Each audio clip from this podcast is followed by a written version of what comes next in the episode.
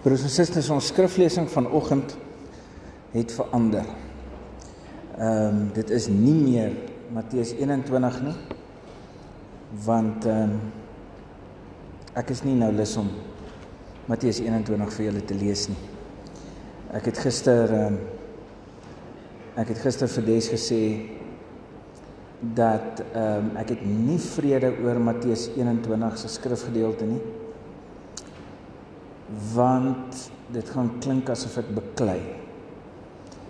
En ek wil nie nou met Luke of of met julle beklei nie. So julle kan self ehm um, die skrifgedeelte gaan lees. Dis die tweede deel van Matteus 21 as julle nuuskierig is. Maar dis nogal rof wat daar staan in Matteus 21 oor die koninkryk van God en oor wat met 'n volk gebeur wat nie verstaan hoe God se koninkryk werk nie. En ek was nie lus om om dit te preek nie. Ek het nie vrede gehad nie. So nog steeds die koninkryk van God. Lukas 17 jy kan blaai na Lukas 17 ons gaan van vers 1 tot vers 6 lees. Lukas 17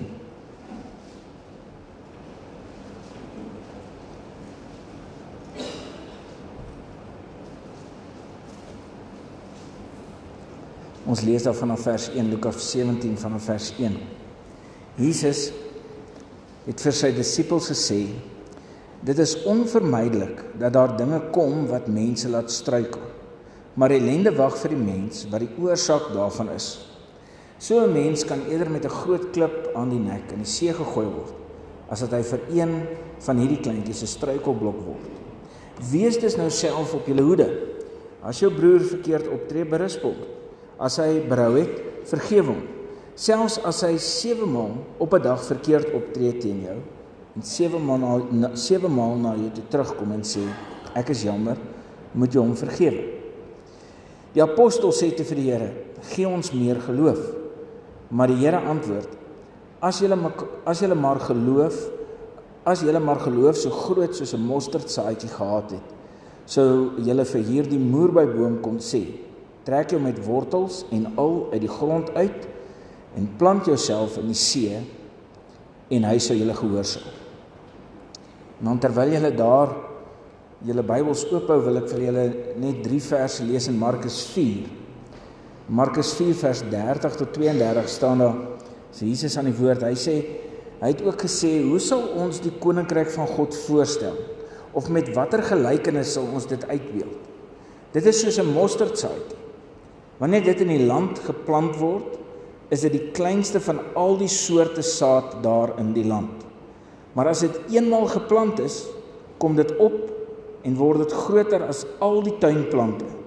Dit kry sulke groot takke dat die voëls in sy skaduwee kom nes maak. Nou met dit in gedagte het ek mosterdsaadjies wat ek al voorheen ook Here gee en dan so hier op die op die punt van elke bank gaan ek 'n paar mosterd sakkies gee en dan jy sê jy kan hom mos sy maak elke dag skoon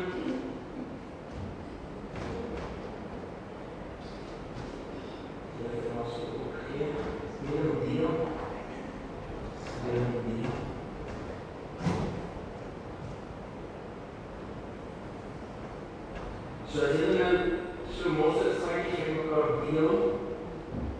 Dus we moesten zorgen dat we proberen met kindje in je hand te heen. Ik denk dat je niet graag met kindje te vaak doet. Dus het is moeilijker als je denkt als je het duizend is of meer.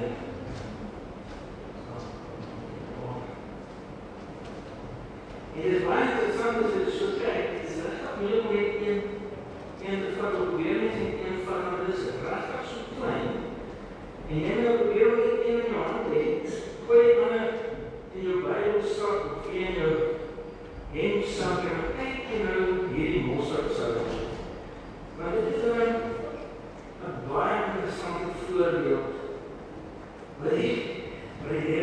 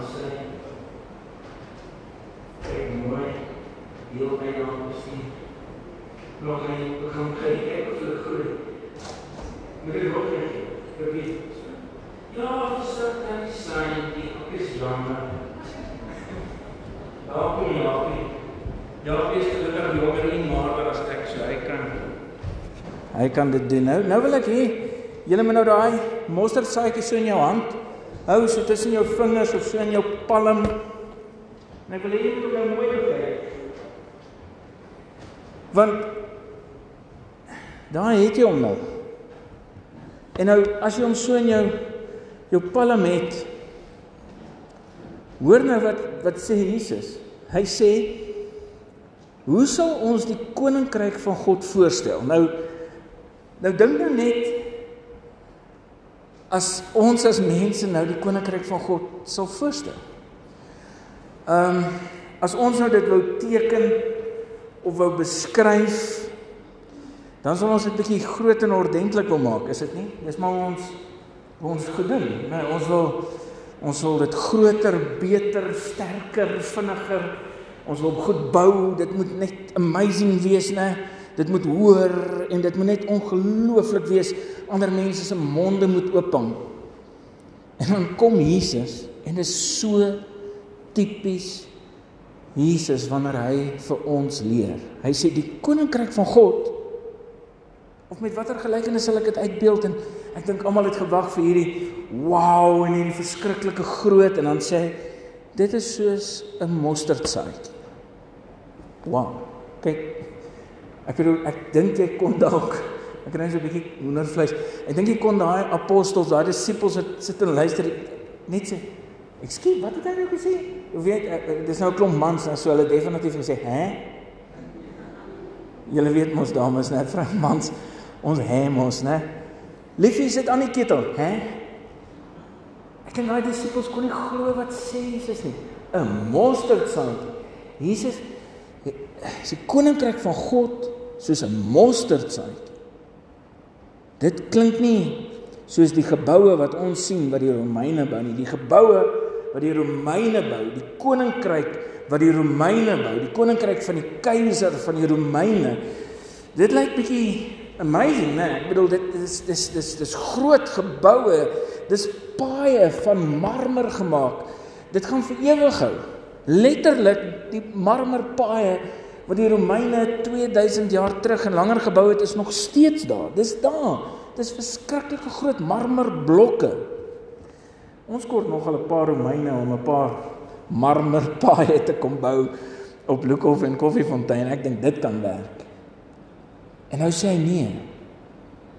Koninkryk van God, die enigste lewendige God, soos 'n mosterdsaadjie. Ja, dis dis baie vreemd. Hy sê Wanneer dit in die land geplant word, is dit die kleinste van al die soorte saad daar in die land.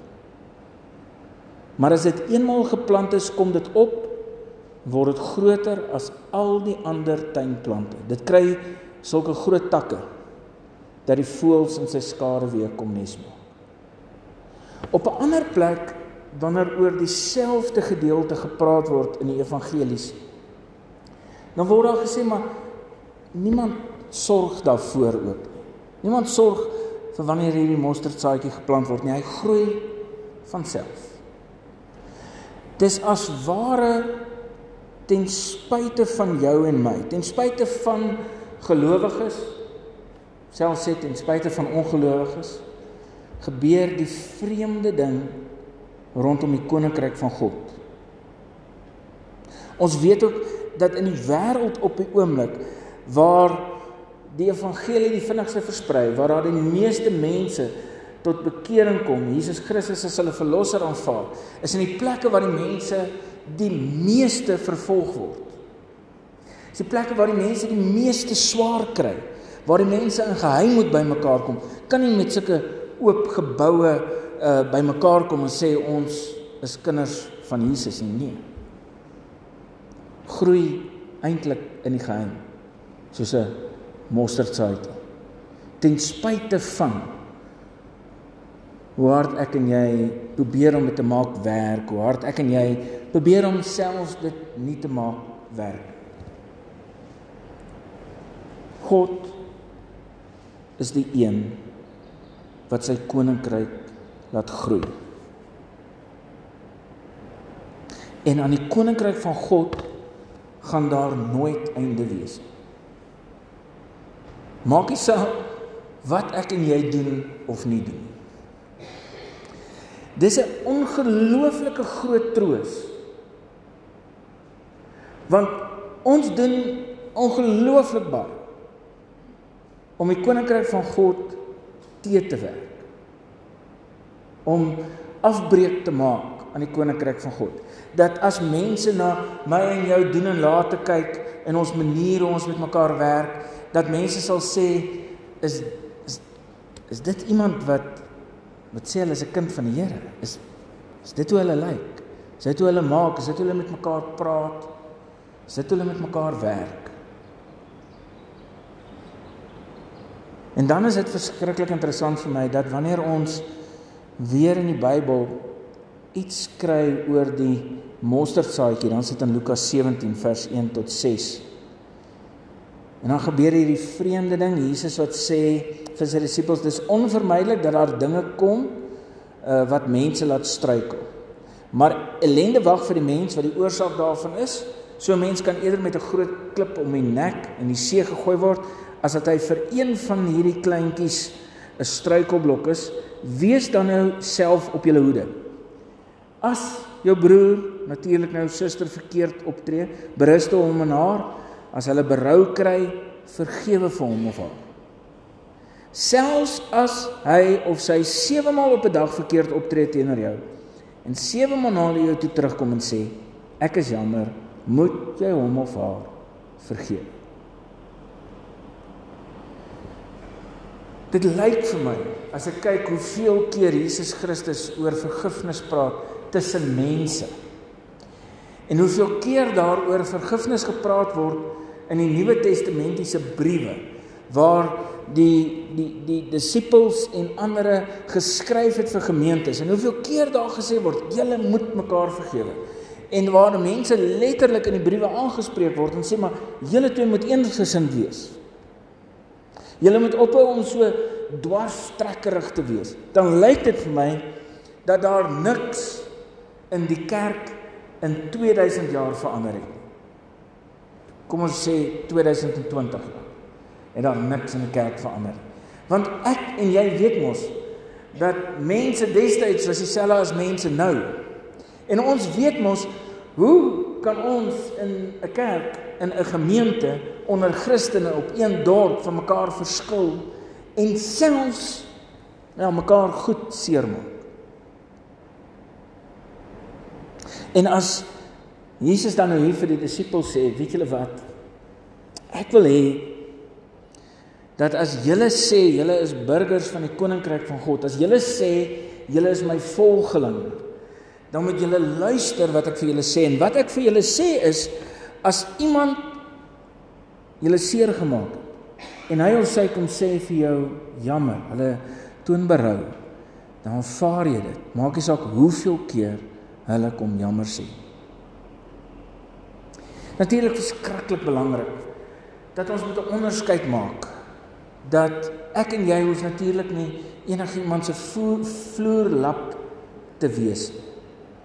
Iemand kan jou nie aanhou verneek het sy in die huwelik of in jou besigheid en jy moet maar net daardie persoon aanhou terugneem as 'n besigheids ehm um, vernoot of 'n huweliksmaat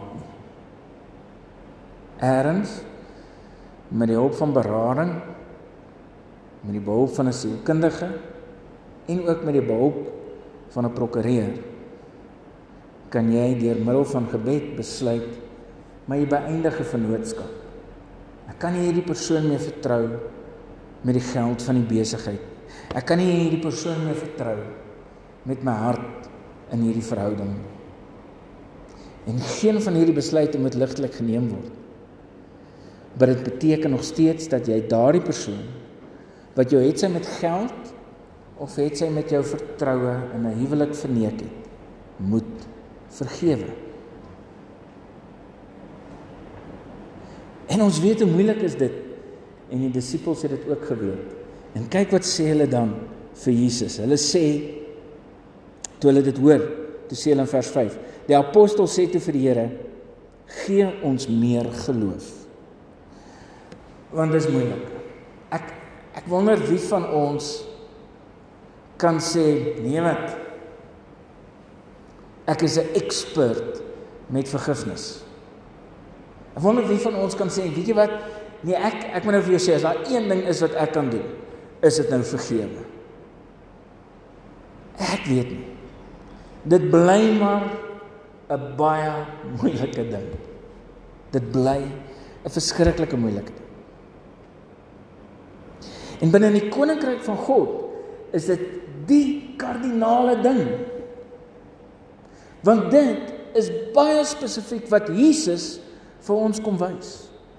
Dat hy wys hoe lief hy ons het ten spyte van ek en jy wat aanhou droog maak, aanhou en aanhou en aanhou. En dit lyk vir my dat jy hom aan tot net nadat jy gesterf het om droog te maak hier op hierdie aarde. Jy hou op om sonde te doen net nadat jy gesterf het. Dis Jesus se kind. En dit is moeilik om te vergewe. En nou sê die Here Hy sê 'n interessante ding. As jy geloof in vers 6, as jy geloof, maar so groot was soos 'n mosterdsaad. Jy sien broers en susters in die koninkryk van God ken God sy kinders. Hy ken vir jou, hy ken vir my. Hy weet dat ons geloof is nie eers so groot soos 'n mosterdsaadjie nie. Dis hoe goed hy ons ken. Ons geloof is nie eers so groot nie.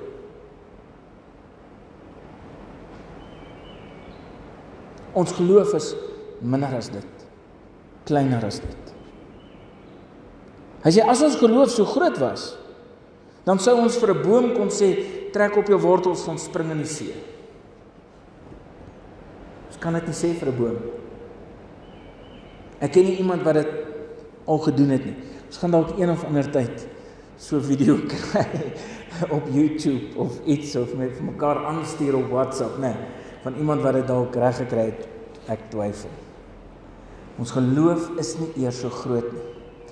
En Jesus weet dit. God weet dit dat sy kinders wat deel is van die koninkryk van God het nie eers sulke groot geloof nie. Die geloof wat ek en jy het is egter groot genoeg om mekaar aanhoudend te kan vergewe. Hoor weer mooi. Die geloof wat ek en jy het is nie eers so groot soos 'n mosterdsaadjie nie. Dis nie genoeg om 'n boom opdrag te gee om sy wortels uit te trek en in die see te gaan spring, maar ons geloof is groot genoeg sê Jesus hier in Lukas 17 vir ons dat ons onhoudend mekaar kan vergewe. En weet julle wat gebeur? Vergifnis van iemand is soos 'n 'n spier wat mens oefen. Dis soos jy oefen hierdie ding en jy word fikser om iemand spesifiek te vergewe. En hoe meer 'n mens leer om iemand te vergewe, hoe meer 'n mens leer om iemand lief te hê onvoorwaardelik soos Jesus hulle liefgehad het. Soos Jesus vir jou en my liefhet. Hoe meer ek en jy leer om dit te doen, hoe liewer word ons vir daardie persoon. hoe meer iemand jou vergewe ten spyte van wie en wat jy is hoe liewer word hulle ook vir jou. Gaan kyk 'n bietjie gaan kyk 'n bietjie die mense wat jy die liefste voor is. Is die mense wat jy die meeste vergewe het. Gaan kyk 'n bietjie Dis hoekom Jesus jou en my so liefhet. Want hy moes ons al soveel keer vergewe. Broers en susters, in die koninkryk van God groei die koninkryk van God ten spyte van jou en my of ons mekaar vergewe of nie. Vergifnis wat ek en jy vir mekaar wys, is nie daar sodat die koninkryk van God kan groei nie. Dis daar sodat ek en jy mekaar kan liewer hê. Sodat Jesus in jou en my kan sigbaar wees. Al is ons geloof kleiner as dit. En in hierdie ontsettende moeilike wêreld waar daar soveel uitdagings is om in hierdie land te leef. Wil God vir jou sê dat ek weet hy weet hoe klein jou geloof is. Hy weet hoe min jou geloof is. Hy weet jy voel partykeer of jy 'n flou vlammetjie is. Jy baie min geloof het. Hy sê ek weet jy het min geloof maar is genoeg geloof om in hierdie dorp in hierdie land soos een van sy kinders te leef. Genoeg geloof. Amen.